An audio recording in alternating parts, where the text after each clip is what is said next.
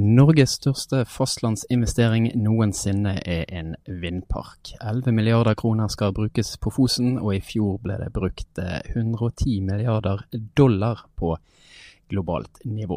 Veien er lang fra minner om små vindmøller fra danmarksferien på 80-tallet og fram til dagens enorme konstruksjoner. Og eh, Finn Gunnar Nilsen, du har en eh, flere tiår lang forskningskarriere bak deg, både i Hydro, Statoil og eh, ved Universitetet i Bergen. Hvordan får man egentlig utnyttet vindkraften? Ja, Nå er det vel egentlig sånn at si, energien skapes ikke, den bare omformes. Og det er jo det at man tar den energien som er i, i vindens hastighet, da, bevegelsesenergi, og eh, omformer den til en rotasjon via disse ving, vingebladene på turbinen. Og de vingebladene er jo utformet etter akkurat samme prinsipper som en vanlig flyvinge. Vet, du, vet vi noe om hvor lenge mennesker har eh, måte, tatt i bruk vindkraften? Det vet man sikkert, jeg er ikke i stand til å huske det, men, men, det er jo utrolig lenge man har drevet med dette på forskjellige måter. Både til eh, pumping av vann, kanskje særlig, men også da til maling av korn og slike ting. Mm. Um, du nevnte vingebladene. altså Foruten turbin, hva, hva hovedkomponenter består eh, en, en, eh, en vindturbin av? Ja, altså Hvis vi starter foran, da, så, så er jo eh, disse bladene, som vanligvis på de fleste turbiner er tre blader, det som vi kaller rotoren, da. Og de er festet inn i et eh, system som ja, på, si, på engelsk kaller man det for en hub, eller et hus, som da eh, bladene er festet i, og som også hvor man har en mulighet for å vri bladene, sånn at de kan vinkel mot vind kan endres avhengig av vindhastighet. Videre innover så går det inn på en aksling. Og for de fleste, i hvert fall mindre turbiner, så går de da inn på en, et girsystem som gjør at rotasjonshastigheten økes, og derfra inn på en elektrisk generator. Og så finnes det uh, nyere turbiner som er såkalt direktedrevet, hvor man ikke har gire, uh, men hvor man går rett inn på en, en generator med veldig mange poler da, for å få nok, høy, høy nok frekvens på det. Det er sikkert et litt sånn dumt spørsmål fra en uvitende sjel, men heter det vindmølle eller heter det vindturbin? Jeg, jeg har ja, hørt at det er en liten iallfall eh, nyanser på Ja, det brukes jo mye der, og, og er forskjellig. Og um, personlig så foretrekker jeg ordet vindturbin, fordi at jeg mener det beskriver altså en turbin akkurat dette at han tar en energi som er knyttet til en rettlinjet bevegelse, over i rotasjon. Mens uh, de fleste, i hvert fall jeg, assosierer ordet mølle med maling og kornmølle. Mm. Mer funksjon enn enn egentlig måten den fungerer på. Mm. Da vet vi det.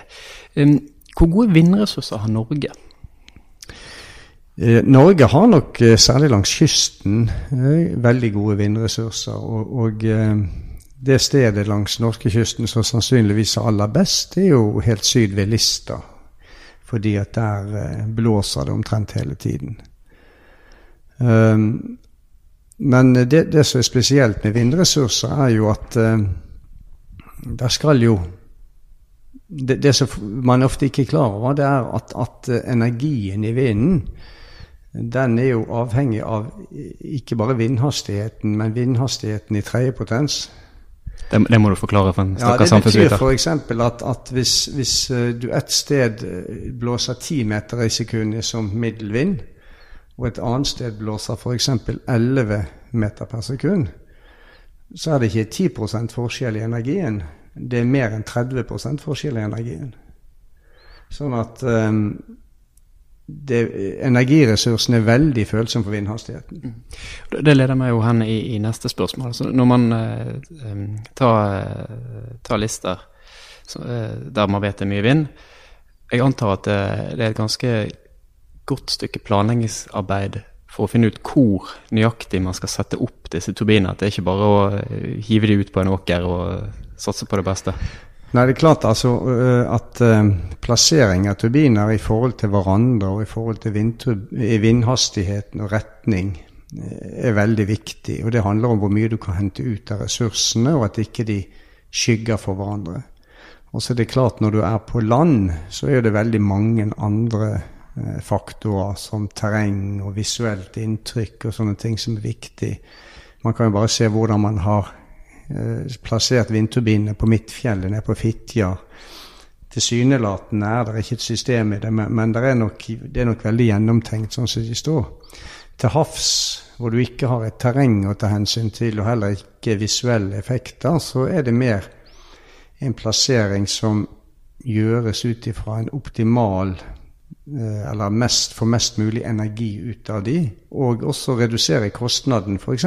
knyttet til lengden av den elektriske kablene og slike ting. Mm. For, for, rent fysisk, du er inne på, på, havbasert vindkraft, som jeg vet du har jobbet mye med um, over, over, flere, over mange år. Rent fysisk, er det noen forskjell på landbasert og havbasert vindkraft? Det, er jo akkurat den samme prosessen, som, altså omformingen, som, som skjer?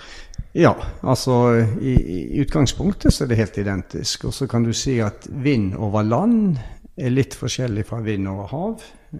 Pga. terrenget så får du mer eh, turbulens, eller kastevind, kaller det på land. Sånn at øh, vindfeltet ser litt annerledes ut.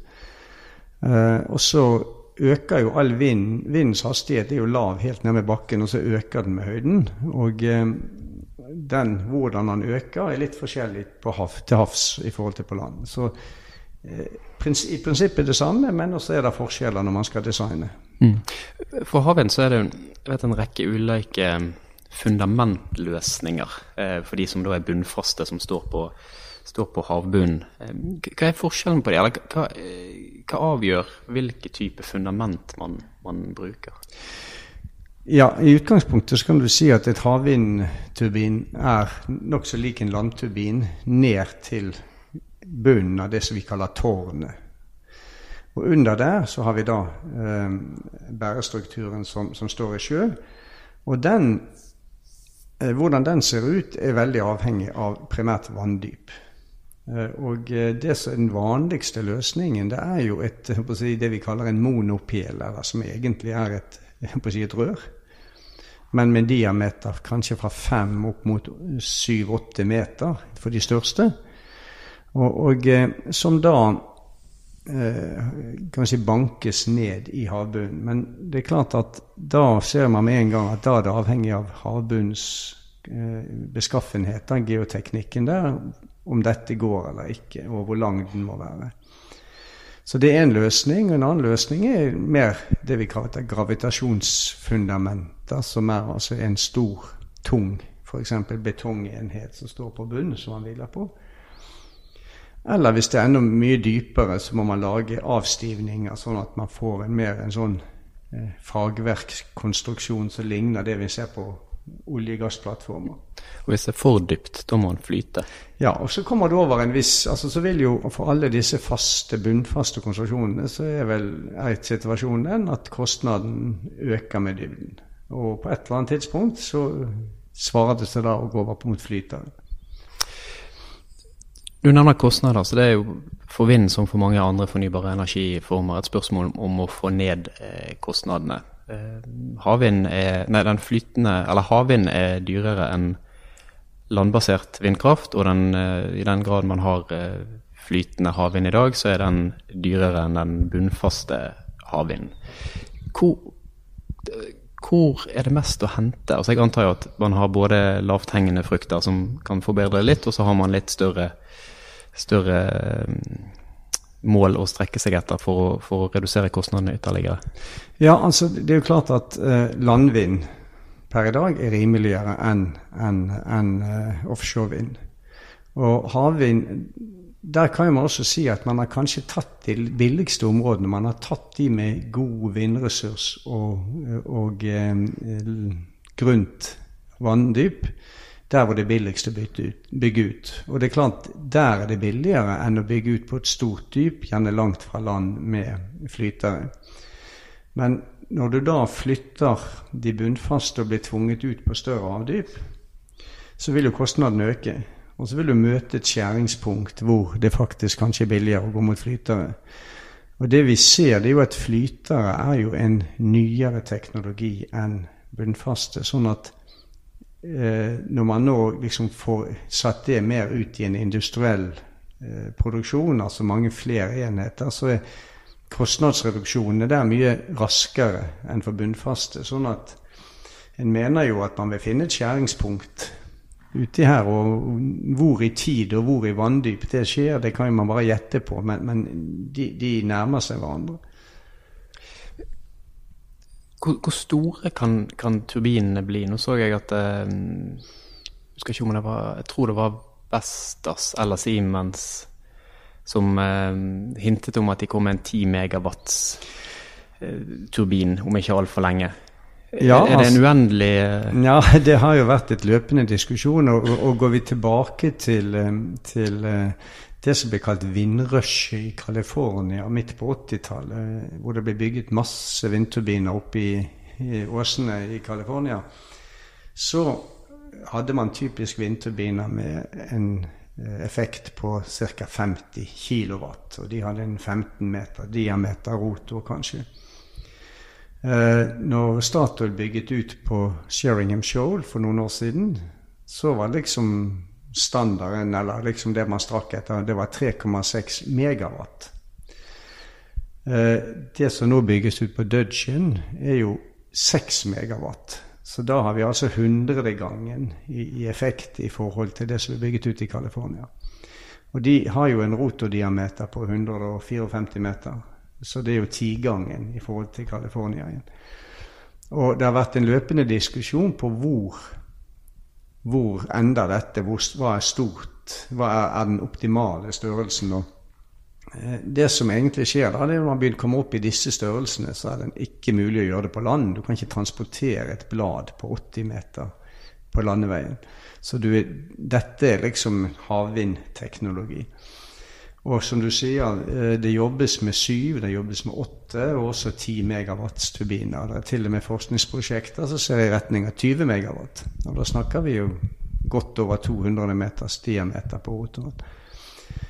Men eh, det er jo ikke alle så overbevist om at den, altså, at den kurven bare vil gå oppover. At man vil finne et sted hvor, hvor man får så mye komplikasjoner knyttet til størrelse at det heller ber å ha mange små. Eller ikke små, men ikke fullt så store. Litt mindre. ja. Som jeg innledet med, så eh, har du òg eh, Eller du er tilknyttet eh, forskningssenter for miljøvennlig energi som heter Nordkove, er forkortelsen på det. Etter to forskningssentre på, på havvind, og andre ligger i har sentrum i Trondheim. Hva har vært de store forskningsområdene for, for Nordkove? De, det er vel syv år det har vært i drift, og ett år igjen? Ja, ett år igjen. Og, og si, det har jo beveget seg litt over tid, da, eh, fokusen der. Men, men det har vært eh, en stor fokus på å forstå, eh, forstå eh, vindforholdene over hav. Fordi at eh, de modellene vi har i dag for å regne på vind, og, det er jo ressursen vår, det er reservoaret vårt, eh, den har ikke vært så god, så det har vært gjort store måleprogrammer på det. Det har også vært gjort store eh, modelleringer knyttet til til sånn type strømning. Og man har også regnet på f.eks. hvordan vindparker som ligger til havs Hvis du har bygget én vindpark, og så bygger en annen utbygger en i nærheten, hvor mye av vinden stjeler du? Hvordan påvirker disse hverandre? Så hele dette vindfeltet og eh, samvirket mellom atmosfærens vind og vindturbinene har vært en stor virksomhet. Eh, det har også vært jobbet mye med Så det har vært både eksperimentelt og numerisk. Eh, og så har det vært jobbet mye med, med, med vedlikeholdsproblematikk. Eh, det har også vært jobbet en del med sånn tilkomstsystemer. Altså hvordan kan du fra et lite fartøy komme om bord i en vindturbin når, når, dette beveger seg. Og det har vært jobbet uh, noe med, med belastninger og direkte utvikling av, av konstruksjonslignende løsninger for, for vindturbiner. da. Det var det vi uh, skulle gjennom, Fingen. Tusen takk for at du var med og opplyste leserne, eller lytterne heter det vel strengt tatt når det er podkast, om hvordan vindkraft egentlig fungerer. Takk.